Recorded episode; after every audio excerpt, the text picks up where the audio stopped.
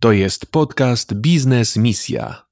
Jeśli interesują Cię wartościowe i pełne inspiracji rozmowy z ludźmi biznesu, jeśli chcesz dowiedzieć się, jak inni prowadzą swoje działalności i jak wyglądała ich droga do sukcesu, jeśli chcesz zainspirować się do lepszego działania, to te treści są właśnie dla Ciebie. Zaprasza Łukasz Smolarski i jego goście. Na wywiad w dobrym stylu zaprasza Lancerto.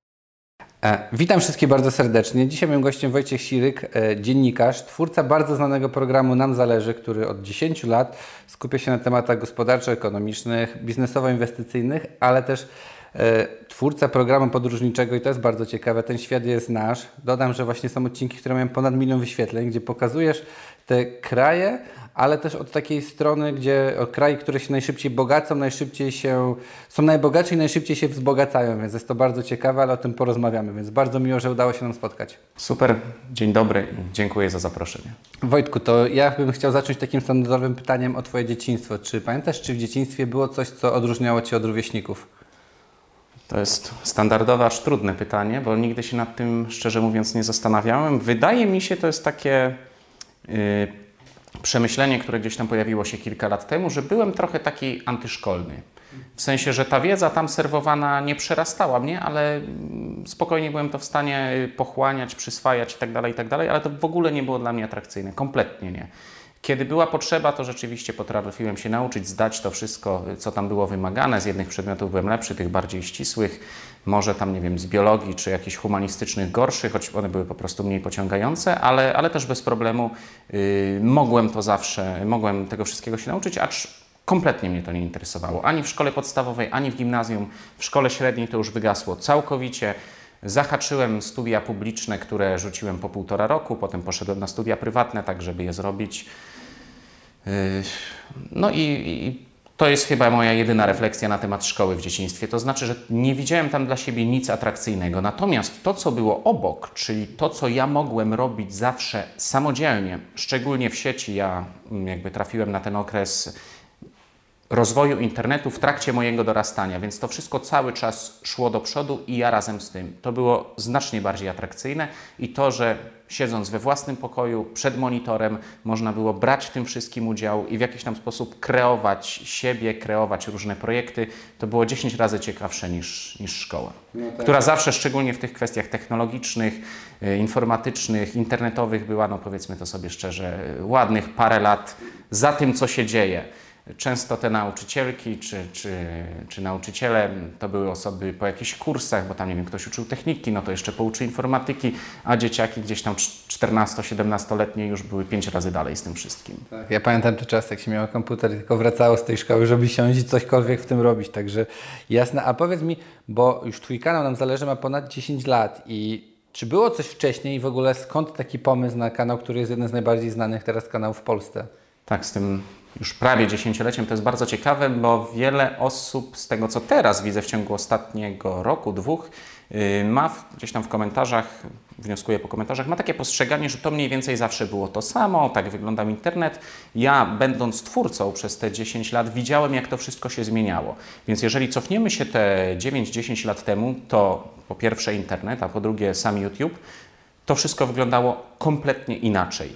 Ja wtedy, realizując y, pierwsze wywiady z osobami publicznymi i publikując je na YouTubie, byłem jedną z pierwszych osób, która postanowiła, że nagra z kimś rozmowę i wrzuci to na YouTuba.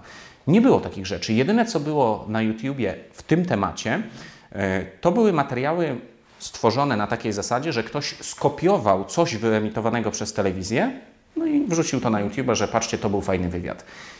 Dopiero pojawiły się takie osoby jak ja, jeszcze kilka równolegle podobnych kanałów i z czasem to się rozrastało, rozrastało, rozrastało i wydaje mi się, że takim symbolicznym rokiem był rok chyba 2015, 14-15. Wtedy nabrało to tempa. Tych kanałów politycznych, biznesowych, gospodarczych zaczęło pojawiać się coraz więcej i zresztą mówi się chyba nawet, że e, jeżeli chodzi o świat, to pierwszą taką poważną rolę internetu w życiu społecznym odegrały te wybory, w których wygrał, wygrał Donald, Donald, Trump, natomiast jeśli chodzi o Polskę, to były te wybory, w których po raz pierwszy wygrał Andrzej Duda.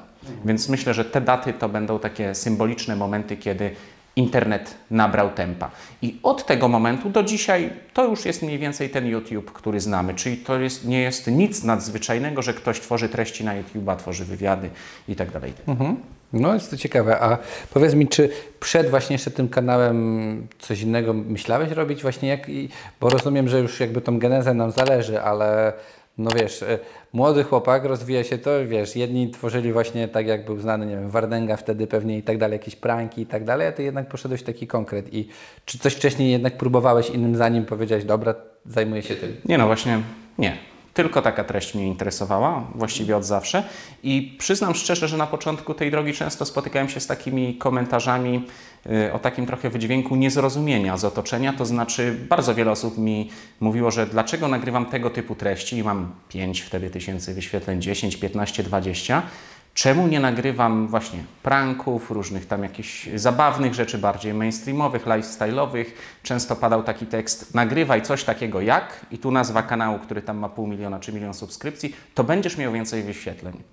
No i zawsze na to reagowałem tak samo, że no nie, no po co mi coś takiego? Nie jestem tym w ogóle zainteresowany, czemu mam to robić?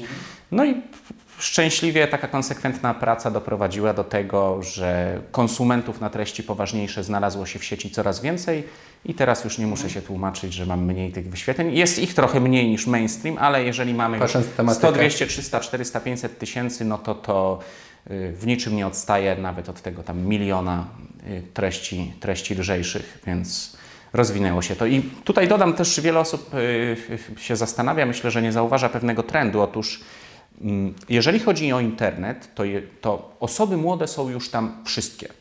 Czyli siedmiolatki, ośmiolatki, dziewięcio, dziesięcio i tych dzieci według moich szacunków na polskim YouTubie mamy około 3 miliony. Bo mniej więcej tyle mamy chyba dzieci w wieku to 6-7 lat do 18. Każdy dzieciak wie, co to jest YouTube, ogląda tam tą ekipę czy coś są już wszyscy. Natomiast jeżeli chodzi o grupy starszych osób, to tam cały czas kolejne osoby przekonują się do, do sieci. Oczywiście 18-24, tam 25-35, większość już wie i korzysta. Ale ja mam sporo widzów w grupach wiekowych, nawet 40, 50, 50, 60, tam po 10-12% osób. I ja wiem, że tam cały czas kolejne osoby są przekonywane przez wnuczka, przez syna, przez tam kogoś, bratanka, żeby jednak na, na internecie sobie to obejrzał, żeby posłuchał na tym YouTubie i tak dalej, i tak dalej. Także myślę, że jeżeli chodzi o treści poważniejsze, to jeszcze ten rynek się trochę będzie poszerzał w najbliższych latach. Do momentu, aż już każdy będzie wiedział, co to jest YouTube. Tak, no to jest y, racja i bardzo ciekawa wskazówka. A powiedz mi, bo też jak się Ciebie już widać, jesteś profesjonalnym też dziennikarzem, który to robi. Czy Ty w ogóle myślałeś o tym, żeby pójść do telewizji, do, do właśnie takich mediów powiedzmy wielkich, czy jak w ogóle to u Ciebie wygląda? To znaczy tak, jak wcześniej wspomniałem, takim naturalnym miejscem dla mnie jest internet. I bardzo lubię tę przestrzeń, bo ona nosi wszystkie cechy, no może nie w 100%, ale, ale myślę, że można tak powiedzieć, że nosi wszystkie cechy wolnego rynku. To znaczy każdy może tutaj spróbować. Nie ma żadnej bariery. Nie przyjdzie ktoś, nie złapie mnie za rękę i nie powie mi, nie opublikujesz tego filmu. I wiem, że można się tutaj przyczepić, że tam czasem jakieś algorytmy, różne tam blokady na niektórych portalach, ale tak generalnie co do zasady nikt takich barier nie stwarza. Yy, nie potrzebuje niczyjej zgody na to, żeby zacząć działać. Tymczasem w dużych mediach myślę, że taka kariera jak moja prawdopodobnie by się nie rozwinęła albo rozwinęłaby się znacznie później, bo nikt yy, nie wziąłby, ile miałem lat, kiedy wystartowałem z projektem podróżniczym, 25, kiedy wyruszyłem w pierwszą podróż. Nikt nie wziąłby 25-letniego chłopaka i nie powiedziałby mu: No, myślę, że ty się możesz rozwinąć, teraz będziesz prowadził program podróżniczy o najbogatszych miejscach na świecie. Masz tutaj garnitur, jutro lecisz na zdjęcia do Hongkongu, bierz dwóch operatorów, dźwiękowca, nagrywacie to to, się by nie, to by się nie wydarzyło. Najpierw bym potrzebował pewnie kilku lat takiego doświadczenia, kilku lat takiego doświadczenia, jakiś tam wyścig szczurów, konkurencja, pewnie jakaś nawet nieczysta i tak dalej. Różne rzeczy musiałyby się dać i gdzieś po 15 czy 20 latach może dorobiłbym się autorskiego programu. Tymczasem w sieci tak stwierdziłem, tak sobie wymarzyłem. Oczywiście to było wiele perypetii i trudności, ale w końcu się udało. I za to cenię internet ja nie mam nic przeciwko dużym mediom. Jeżeli na przykład jakaś telewizja chciałaby kupić mój program, nie ma problemu. Natomiast sieć jest świetna i myślę, że zostanę tu na, na długo, o ile nie na zawsze. Nie no, jest super w ogóle. To na pewno wielu widzów Ci zazdrości, już nie mówiąc o kanału, nam zależy widzów, ale tego co robisz, bo ten kanał podróżniczy, że zwiedzanie przede wszystkim, no to wiesz, to jest coś, co każdy by chciał, każdy marzy, wiesz, o jeden raz w roku o wakacjach, a, a Ty robisz to non-stop. I chciałem właśnie zapytać o ten, e, o, o kanał Ten Świat jest Nasz i w ogóle tym, czym się zajmujesz, jakby jak według Ciebie teraz będąc w wielu, wielu krajach, e, jak uważasz, który kraj dla Ciebie jest taki najbardziej biznesowy, który najszybciej się rzeczywiście rozwija biznesowo? No bo te Twoje podróże też są z takim kontekstem konkretnym. Ciężko wskazać jeden konkretny kraj, który wygra w danym aspekcie. Raczej wskazywałbym na grupy państw. Na przykład Europa Zachodnia to byłaby taka jedna grupa, może Skandynawia druga, Stany Zjednoczone trzecia, azjatyckie tygrysy czwarta i w takich obszarach pojęciowych bym się raczej poruszał. Y, nie wspomniałem o Ameryce Łacińskiej. Tam byłem w Chile, to jest najlepiej rozwinięty kraj tego regionu, natomiast on jest na poziomie mniej więcej Polski. Teraz gospodarczo bardzo mocno skręca w lewo, więc w tamtym obszarze myślę, że nic dobrego pod kątem biznesu, takiego naprawdę dobrego się w tej chwili nie dzieje. Afryka tradycyjnie ma problemy z tego typu kwestiami. No ta Botswana y, tam się wyróżnia, to również nagrywałem reportaże o tym państwie, natomiast y, Botswana świetnie wypada na tle państw afrykańskich. Natomiast jeżeli porównujemy to do y, Europy, to w, w, tych rankingach prowadzenie biznesu, korupcja, różne tego typu rzeczy jest mniej więcej na poziomie Polski. W niektórych rankingach nas zawstydza. Nie wiem, czy nawet ostatnio nie przegrywamy z Botswaną w wolności prasy i w i w coś biznesowego też już przegraliśmy. W rankingu wolności gospodarczej też jesteśmy niżej. Y, natomiast poziom życia wciąż jest niższy niż w Polsce. I tak jak mówię, w Afryce też bym nie szukał generalnie takich miejsc. No i mamy tę Europę Zachodnią, znaną nam, znacznie zasobniejszą kapitałowo, więc tam tych pieniędzy jest więcej.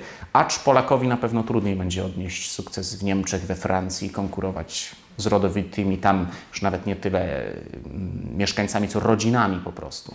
Oni są od nas znacznie bogatsi. Więc myślę, że trzeba wybrać kraj bądź kraje, które cały czas prężnie się rozwijają i w których y, jednak trochę już pieniędzy jest. Czyli na przykład te azjatyckie tygrysy to jest bardzo ciekawy kierunek.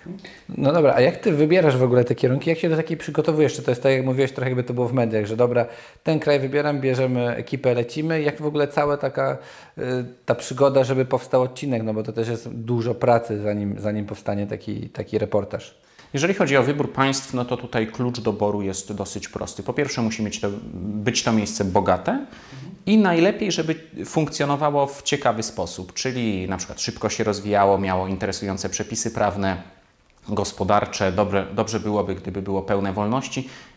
Taka tematyka mnie po prostu przyciąga. To jest ba bardzo interesujące, bo to, że na przykład, y, to przede wszystkim tutaj nawiązuje do krajów Europy Zachodniej, one już od wielu pokoleń funkcjonują w ramach gospodarki względnie wolnorynkowej, w jednych krajach mniej, w drugiej bardziej i tamte społeczeństwa już akumulują kapitał od 4, 6, 8 pokoleń, to to, że one są bogate nie jest niczym wyjątkowym. No, 200 lat rozwoju każdy zdążyłby się wzbogacić. Natomiast to, że na Tajwanie, w Hongkongu, w Singapurze, w Korei Południowej pojawia się bogactwo i to naprawdę spore w ciągu zaledwie dwóch pokoleń, czyli powiedzmy od końca II wojny światowej do dzisiaj, to, że pojawiają się tam genialne firmy o zasięgu globalnym, to jest naprawdę interesujące, więc to w pierwszej kolejności wybieram tego typu państwa.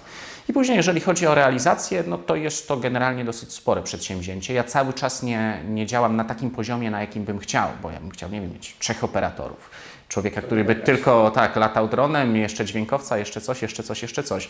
My na razie y, najwięcej, największy nasz zespół liczył cztery osoby na jednych zdjęciach.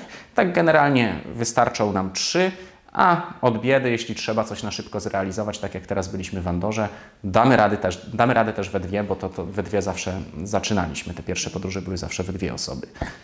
Yy, no i potem, tu wspomniałeś przed tym o tym, że yy, każdy zazdrości, bo to tam zwiedzanie. To nie do końca tak wygląda. Najlepiej, myślę, zobrazować to taką scenką. Jeżeli ktoś jest turystą w danym miejscu i dane miejsce, dana lokalizacja wymaga po prostu zobaczenia. Jakaś, nie wiem, ładna zatoka, ładny budynek z zewnątrz, to taki turysta spędza tam 5 minut. 10 minut. Jeżeli nie wiem, coś jest wewnątrz, 15 minut. My natomiast w jednej lokalizacji czasami potrafimy spędzić i 2 godziny, 3 godziny, bo jeżeli ta lokalizacja świetnie się prezentuje i ja mogę tam coś powiedzieć do kamery, no to trzeba się przygotować, mikrofony, zrobić pewnie parę dubli. Później, jeżeli jest tak ładna, no to trzeba zrobić te przebitki, coś nagrać do making-offów i tak dalej, i tak dalej. I to jest wtedy żmudna praca, 2-3 godziny. Zdarzyło mi się już, że przy jednej czy dwóch podróżach był z nami ktoś ekstra, kto po prostu chciał pojechać, zobaczyć i mówił, że ja tam sobie będę na boku chodził, mną się nie przejmujcie, ale będę się z Wami trzymał. No i tak to wyglądało, że my tam pracujemy, pracujemy, pracujemy, a ktoś stoi i no już poszedłby dalej. A nie pójdzie, bo nie ma z kim, nie ma gdzie, głupio samemu chodzić gdzieś tam w obcym kraju i czekać trzeba.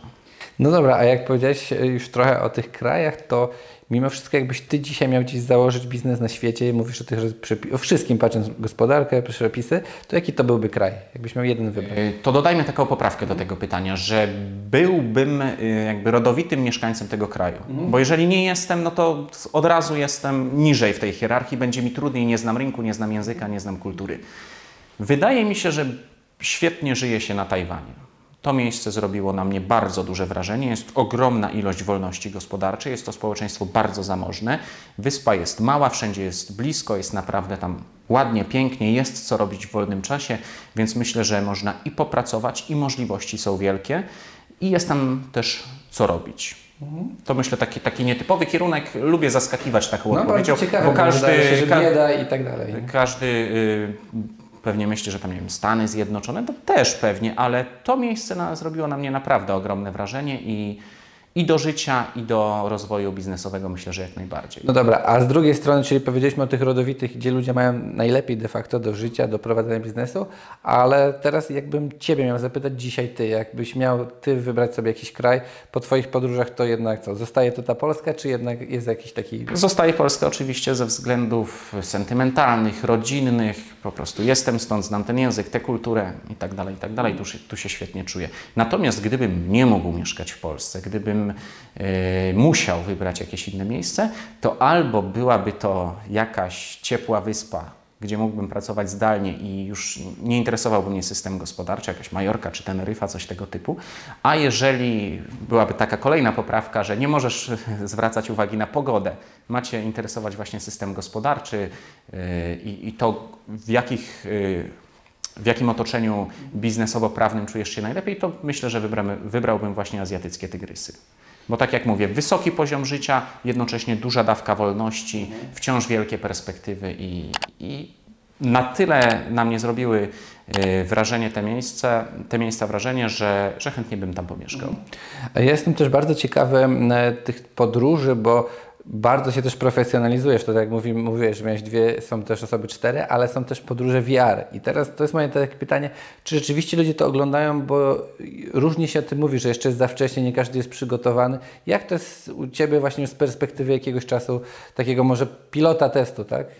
Bardzo lubię ten temat e, rzeczywistości wirtualnej, chociaż jeżeli chodzi o te normalne odcinki programu Ten Świat jest Nasz, no to one mają już w tej chwili na YouTubie średnią chyba ponad 300 tysięcy odsłon na odcinek. Natomiast te odcinki VR, czyli takie bonusowe, dodatkowe, ja je teraz sprzedaję w formie fizycznej na pendrive, y, no to myślę, że je obejrzało jakieś 300 osób, więc znacznie mniej. Natomiast mimo wszystko, po pierwsze, bardzo lubię tę technologię, po drugie, wiem, że ona będzie się rozwijała, więc kontynuuję ten projekt. Teraz nagrywam kolejny sezon i oczywiście na boku też nagrywam te odcinki w rzeczywistości wirtualnej. Z rzeczywistością wirtualną jest taki, nazwijmy to, problem, że mm, bardzo trudno przekonać kogoś, że to jest fajne, dopóki nie ubierzemy mu gogli VR na głowę. Możemy tutaj teraz opowiadać o VR-ze 15 minut. Możemy zachwalać i, po prostu zachowywać się tak, jakby to było coś najcudowniejszego na świecie, ale i tak ogromna większość, ja mówię to z doświadczenia, bo już promowałem to wielokrotnie, zareaguje taką neutralnością. No, o czymś tam mówią, po co mi to? Fajnie, no okej, okay, no fajnie, fajnie, coś tam sobie wymyślił, no okej, okay, kiedyś może zobaczę. Natomiast, i to już prze, przepraktykowałem, nie skłamię na kilkuset osobach, bo miałem też y, drobny biznes y, związany z VR-em. Jeżeli my ubieramy komuś te gogle do wirtualnej rzeczywistości na głowę, szczególnie te najnowsze, które miały premierę tam rok, dwa, na przykład rok, dwa temu Oculus Quest 2, gdzie już są gry, gdzie są te czujniki ruchu wbudowane, nie trzeba tam żadnych dodatkowych kamer, bo ten sprzęt bardzo szybko pędzi do przodu, to wtedy nagle się wszystko zmienia. I od tej całkowitej obojętności, i ponownie podkreślam, nie skłamie, przepraktykowałem to na setkach osób, 80-90% y, badanych wpada w zachwyt najczęściej padają słowa typu a, no to teraz rozumiem, już wiem o co w tym wszystkim chodzi. Nie, no świetne, super i tak dalej, i tak dalej. Najlepszym takim e, wyznacznikiem tego, jak zafascynować potrafi VR, jest gra, która we wszelkich rankingach y, związanych z grami zdobywa oceny na poziomie 9 na 10, 95%, 98% tego typu. To jest Half-Life Alyx. To jest gra taka dedykowana na VR, na kilkanaście godzin rozrywki. E, polecam każdemu, kto gdziekolwiek, kiedykolwiek będzie mógł choć godzinkę pograć w tę grę. Duże studio to Valve, jedna z takich potęg, jeżeli chodzi o branżę gier, stworzyła tę grę właśnie dokładnie na te technologie, na te konsole. E, kilkanaście godzin rozrywki, wszystko dopieszczone w każdym calu i tam się można przekonać, jakie per perspektywy czekają VR. Oczywiście to jest wciąż droga produkcja, wciąż tam chyba 2 czy 3% graczy ma globalnie dostęp do rzeczywistości mhm. wirtualnej, a więc wciąż mało. Natomiast za 2-3 lata będzie więcej, za 5 lat będzie więcej i tak dalej, i tak dalej. Też jeszcze dodam na sam koniec co do tego VR-u. Świetnym wyznacznikiem tego, jak to szybko pędzi do przodu, w kwestiach również technicznych, jest to, że jeszcze parę lat temu, żeby pograć w dedykowaną grę na VR, Oprócz dobrego, mocnego peceta trzeba było mieć gogle za kilka tysięcy złotych i jeszcze montować w pokoju w rogach kamery, żeby śledziły nasze ruchy.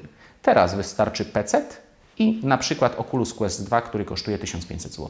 I to wszystko. On ma sam w sobie to śledzenie i tak dalej, i tak dalej. Czyli nie dość, że już możemy zapłacić za gogle 2-3 razy mniej, to jeszcze nie musimy jakichś kamer montować, jakichś kabli podpinać a to wszystko wydarzyło się w zaledwie 2-3 lata. I widać, że idzie ten postęp. No to bardzo ciekawe i bardzo też trzymam kciuki za Twój VR, bo sobie wyobrażam, wiesz, jesteś na Tajwanie czy w jakimś kraju i jesteś tam naprawdę w tych okularach, więc to na pewno to wrażenie. Ja akurat jestem jednym z tych, który już przeszedł trochę w VR-ach, więc wiem, z czym to się je i naprawdę robi wrażenie. Choć tak jak mówisz, początki są trudne, szczególnie takie pierwsze zderzenie. Pamiętam, że wiem, jakiś koncert ubrałem i po tym koncercie się aż leczyłem. Dopiero później jakby przestrojenie się spowodowało, że to jest genialne. Nie? Rzeczywiście y, można się zakochać. No i trzeba też właśnie rozróżnić to, że film to film, on robi wrażenie, ok, jest to jak najbardziej fajne, wielu osobom się podobają te moje produkcje, natomiast to kiedy, ten moment, kiedy my mamy interakcję z tym światem, tam bierzemy jakąś broń, strzelamy, podnosimy, nie wiem, w grze konewkę, wyrzucamy ją przez balkon, ten świat jest interaktywny,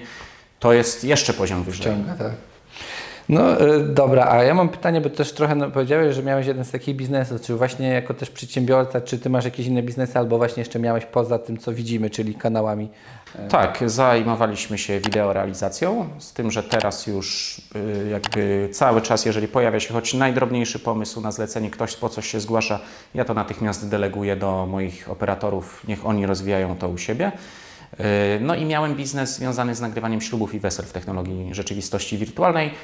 Tu miałem zawsze ten problem, o którym wcześniej wspomniałem, to znaczy trudno było to sprzedać słowem, świetnie się to sprzedawało pokazując. Mhm. Czyli y, opowiadam, nie wiem, 20 osobom wyłącznie słowami, nikt nie jest zainteresowany. Opowiadam pięciu czy dziesięciu osobom i pokazuję im to na goglach, natychmiast wszystko się zmienia. Już co druga, co trzecia osoba już pyta, kiedy może przyjść pokazać to swojej drugiej połówce, jakie są ceny, kiedy możemy podpisać umowę itd. Tak itd. Tak Przy czym te moje działalności internetowe tak mocno się rozwinęły, oba kanały teraz, że skupiam się przede wszystkim na tym, wszelkie inne sprawy, które gdzieś tam jestem też kojarzony, że wideorealizacja, że nagramy film, że zrobimy zdjęcia, deleguję natychmiast do osób tam z mojego otoczenia, niech, niech zarabiają na tym. No dobra, a jestem ciekawy, w co Ty tak naprawdę dzisiaj inwestujesz, bo też Twoi goście to są topowi inwestorzy, biznesmeni i tak dalej, więc pytanie, czy ty też jesteś inwestorem? Jeśli tak, to czy możesz powiedzieć, w co w ogóle inwestujesz? Po pierwsze, i to wciąż ważne, y, w moim wieku i na moim etapie kariery, ciągle najważniejsze jest inwestowanie w siebie, to znaczy ciągle te projekty muszą być rozwijane, ciągle muszę zrobić więcej wywiadów, więcej sezonów, więcej innowacji. Teraz też na przykład będzie inwestycja, yy, kończę pracę nad książką, trzeba będzie to wydać, sprzedać, a więc ciągle jednak biznes. Natomiast, natomiast jeżeli chodzi o takie typowe inwestowanie, jestem raczej defensywnym inwestorem inwestuję spokojnie, rozważnie, długoterminowo. Portfel podzielony jest u mnie w tej chwili na odrobinę obcej waluty, polska giełda, złoto i kryptowaluty. Generalnie wierzę, że krypto jeszcze będzie do góry, trzymam krypto. Y, złoto myślę, że długoterminowo też będzie rosło, tak, ten trend od wielu dekad, który trwa, będzie zachowany, ale to oczywiście mniejszość portfela. Teraz na polskiej giełdzie jest ciekawie, no bo mamy te, te szczyty, zobaczymy co dalej, akcje cały czas trzymam. No i tak, tak jak mówię, defensywnie, spokojnie, raz na parę tygodni coś tam może zaktualizuję. Ja... Nie żyję na co dzień inwestycjami, tym bardziej tradingiem. No dobra, a jestem ciekawy odnośnie też możliwości monetyzowania YouTube'a, bo jakby każdy też o tym pyta, dużo osób właśnie tak e, dzisiaj chce założyć swój kanał, myśli, że to jest tak łatwo, że wiesz, w miesiąc będą milionerami i tak dalej. Jak Ty w ogóle to widzisz na dzień dzisiejszy, jakie są możliwości monetyzowania kanału? Już często z perspektywy jednej, takiej jak Ty, jesteś już naprawdę potężnym kanałem, ale też być może początkującym. Y, to znaczy tak, zacznę może od tego, że bardzo dziękuję wszystkim widzom, którzy szczególnie w pierwszych latach wspomagali finansowo kanał.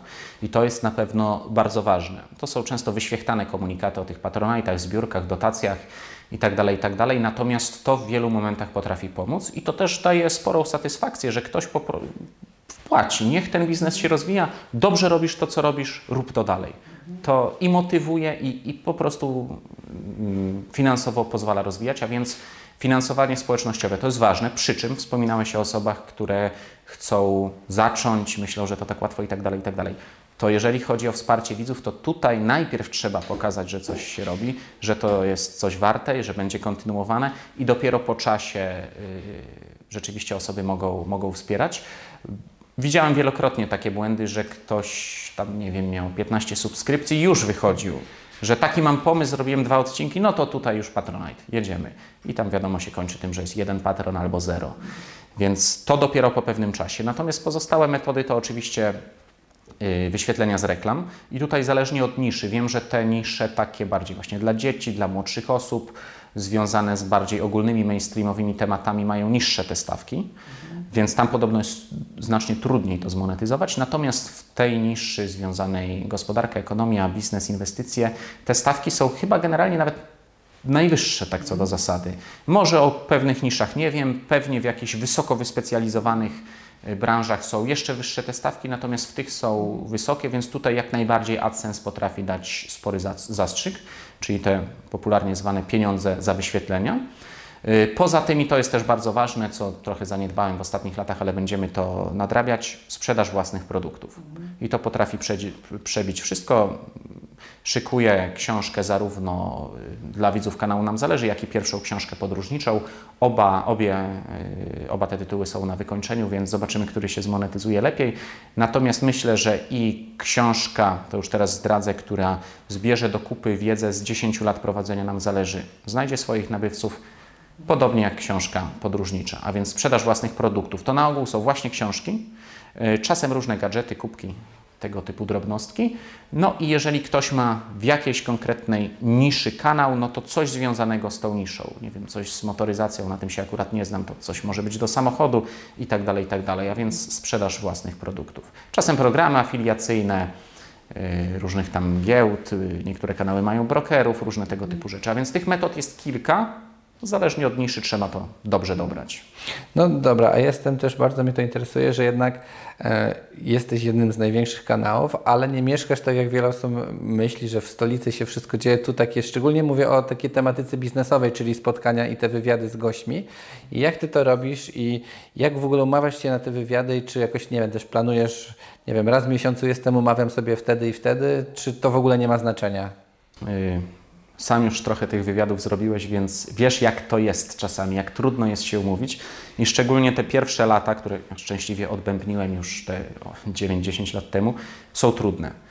Nie mamy kontaktów, nikogo nie znamy, piszemy te maile, ale to wiadomo, tych maili tam do kogoś przychodzi 50 czy 100 dziennie, czy w ogóle obsługuje to ktoś inny i, i, ta docelowa osoba nawet tego nie czyta. Natomiast ja już w tym momencie jestem na tym etapie, że albo telefon i już ktoś jest umówiony, albo jeżeli nie mam tego telefonu, no to telefon do kogoś, kto będzie miał ten telefon i wszystko, i wszystko działa. Y, rzeczywiście nie mieszkam w Warszawie, choć często tu bywam, średnio raz na 2-3 tygodnie. czekam cały czas na jakieś solidne połączenie z Rzeszowa, bo to komunikacja jest fatalna, no ale teraz w końcu będzie ten odcinek Rzeszów-Lublin, no i potem Lublin-Warszawa już jest.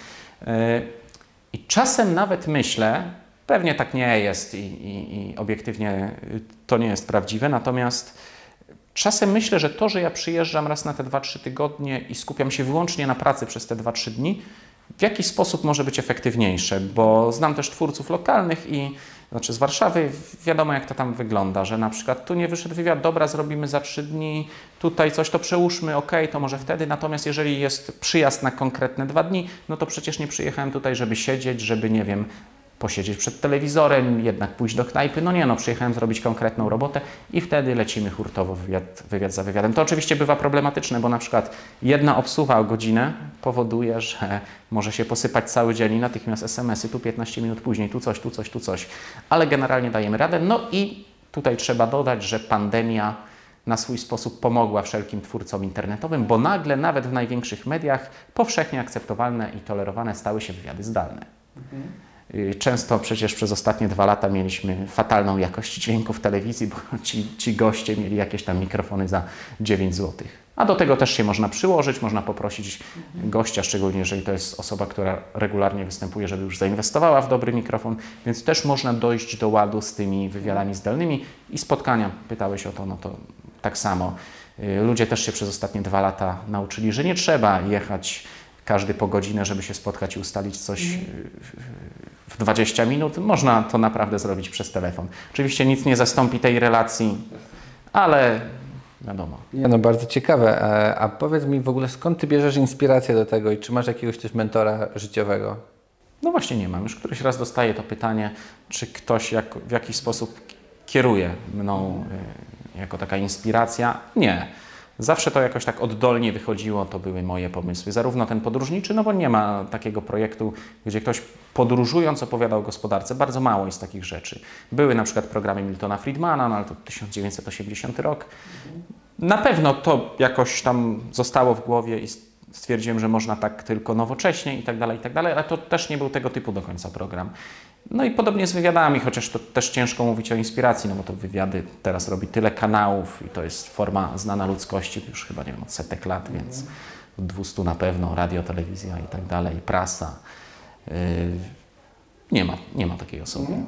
No dobra, a ja mam jeszcze takie bardzo ciekawe pytanie, y, też standardowe o porażkę, bo jedni mówią, że porażka przybliża nas do sukcesu. Czy ty może masz jakąś taką porażkę, która cały czas ci siedzi w głowie, coś może podczas kręcenia, może podczas jakiejś rozmowy z gościem, jakaś sytuacja, albo taka, która z perspektywy czasu miło wspominasz, że jednak się teraz już z czasem śmiejesz? To też jest interesujący wątek w tej mojej karierze, nazwijmy to ponownie. Y, otóż jest to tyle ciekawe, że ja sporą część, szczególnie tej drogi do realizacji programu podróżniczego, mam uwiecznioną w formie filmu. W wielu miejscach, w których byłem, y, nagrywałem sobie na boku kamerką sportową. Myślę, że kiedyś znajdę czas, żeby w końcu usystematyzować tę wiedzę i opublikować taki półgodzinny, może godzinny film, gdzie prezentuję kilka lat mojego życia i jak to się stało, że od nie pamiętam, stanu konta chyba 8 czy 9 tysięcy złotych. Doszedłem do tego, gdzie jestem teraz i mam program podróżniczy, realizujemy to i tak dalej, i tak dalej. Bo było to pełne porażek. Ta droga podróżnicza szczególnie trwała już no, 4-5 lat. Trwa. E, I ta moja opowieść będzie się o tyle różniła od wszelkich innych opowieści, że najczęściej to jest tak, że ktoś siada, mówi jak mu było trudno i tam wszyscy mówią, no rzeczywiście super, że to robisz, a ja usiądę, opowiem o tym, jednocześnie pokażę mnóstwo y, filmu z tych czasów. Mam na przykład filmy z mojej emigracji do Szkocji, gdzie wyleciałem, żeby zarobić pieniądze na program. Mam filmy z każdych zdjęć, z tych zepsutych, z tych dobrych, ze wszystkiego. Y, mnóstwo fotografii, więc na pewno będzie to solidnie udokumentowane. Nie było na tej ścieżce jednej porażki, która, nie wiem, coś przestawiła w głowie i nagle wszystko było inaczej i tak dalej, tak dalej. Natomiast było mnóstwo drobnych porażek. Naprawdę mnóstwo problemów, trudności, od błahych, typu, nie wiem, poparzyło mnie słońce w Chile, zmarnowanych parę dni, coś się popsuło z mikrofonem, y, na jakiś wyjazd się nie zdążyłem przygotować. Y, największą porażką choć nie jakoś, tak jak mówię, wielką, bo takiej nie było, która by mną wstrząsnęła, ale był pierwszy wyjazd, gdzie ja jakoś tak naiwnie w swojej głowie myślałem, że zrobię taki program podróżniczy, polecę do Hongkongu, nagram, no i będzie taki program. No i poleciałem i to było tak fatalne wszystko. Yy, jednak kiedy przychodzi ten moment, że trzeba stanąć przed kamerą i zacząć mówić, to nie jest takie proste. Tego się trzeba nauczyć. I jak ja to potem oglądałem, to po prostu łapałem się za głowę. To było dramatyczne. I nie przesadzam teraz, bo czasami ktoś mi pisze, że nie no słuchaj, daj spokój, to na pewno tam było w porządku, no nie przesadzaj, jesteś za bardzo y, krytyczny wobec siebie i tak dalej, i tak dalej. Nie. Te początki, te pier ten pierwszy rok, te pierwsze dwa lata to były po prostu fatalne. I tak sam do końca nie wiem skąd wziąłem to samo zaparcie, bo jednak... Yy, Minęło te 2-3 lata, zanim udało się w końcu wyprostować ten projekt i w końcu pokazać, że to o to mi chodzi, nie o te porażki na początku, to tak ma wyglądać, a będzie wyglądało jeszcze lepiej. Myślę, że to jest i tutaj ponownie odwołanie do, do gospodarki, do ekonomii, mm, coś, co nazywa się niską preferencją czasową, czyli zdolnością do długich wyrzeczeń w imię większych zysków. Przeciwieństwem jest wysoka preferencja czasowa, czyli ktoś wtedy kompletnie nie ma zdolności do odkładania benefitów, tylko chciałby już wszystko natychmiast. I no, trzeba mieć, trzeba mieć tę niską preferencję czasową. Nie wiem, czy to jest y, jakaś cecha genetyczna, nabywalna, środowiskowa. Ja na szczęście myślę, że to mam, żyję raczej skromnie. Bardzo długo, wiele lat potrafiłem czekać na swoje, konsekwentnie pracując, więc to jest też bardzo wyświechtany taki komunikat i rada, ale no tak to po prostu wygląda.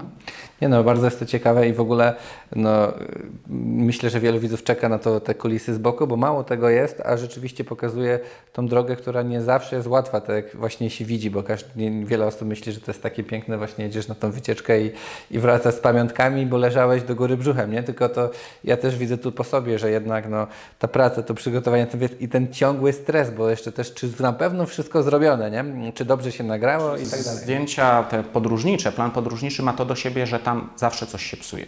Jeżeli ktoś nie wierzy, to polecam spróbować zrealizować jakiekolwiek zdjęcia u siebie w mieście, u siebie w miejscowości i na pewno natrafi na jakieś problemy. Coś się z pogodą stanie, gdzieś będzie hałas i tak dalej, i tak dalej. Zawsze coś się sypie. A będąc na drugim końcu świata, w środowisku, którego nie znamy zbyt dobrze, to tam się jeszcze więcej sypie, bo po prostu nie, nie potrafiliśmy tego przewidzieć. Nas cały czas coś zaskakuje. To były najróżniejsze rzeczy. Czasem szlifierka kątowa w tle, a specjalnie do danego miejsca przyjechaliśmy. Nagle sprzątają ogród i kosiarki tak chodzą, że nie da się nagrać. No i trzeba poczekać i godzina w plecy. Różne tego typu drobnostki się potrafią złożyć na to, że, że, że jest bardzo trudno. Jeszcze co do tego y, odbioru i, i, tej długiej drogi, to ja miałem o tyle y, nietypowo z tym wszystkim, że y, to, co robię w tym projekcie podróżniczym, bardzo kojarzy się z bogactwem, z takimi pieniędzmi, w sensie no, facet w garniturze chodzi po Hongkongu i opowiada, no to, no to no pieniądze jakieś wielkie muszą za tym stać. No, kto to płacił? I często miałem takie komentarze, kto za tym stoi, no bez przesady. Tym bardziej, że ja y, myślę, ani nie wyglądałem, ani nie jestem osobą z jakiejś tam, y, nie wiem, elity zamożnej rodziny, nie miałem od początku sponsora. To było wiadomo po moich mediach społecznościowych, po wszystkim, że to startuje od zera. I to budziło takie komentarze, więc kiedyś powstanie ten materiał, który będzie taki bardzo mocno kontrastowy. Z jednej strony imponujący projekt, najbogatsze miejsca świata, garnitur i podróże po całym świecie, a z drugiej strony cała ta ścieżka będzie, będzie udokumentowana. Też wielkie gratulacje, bo naprawdę zrobisz dobrą robotę. I prawie kończąc mam pytanie też takie standardowe, ulubioną książkę. Czy jest jakaś książka, którą Ty chciałbyś się podzielić z widzami?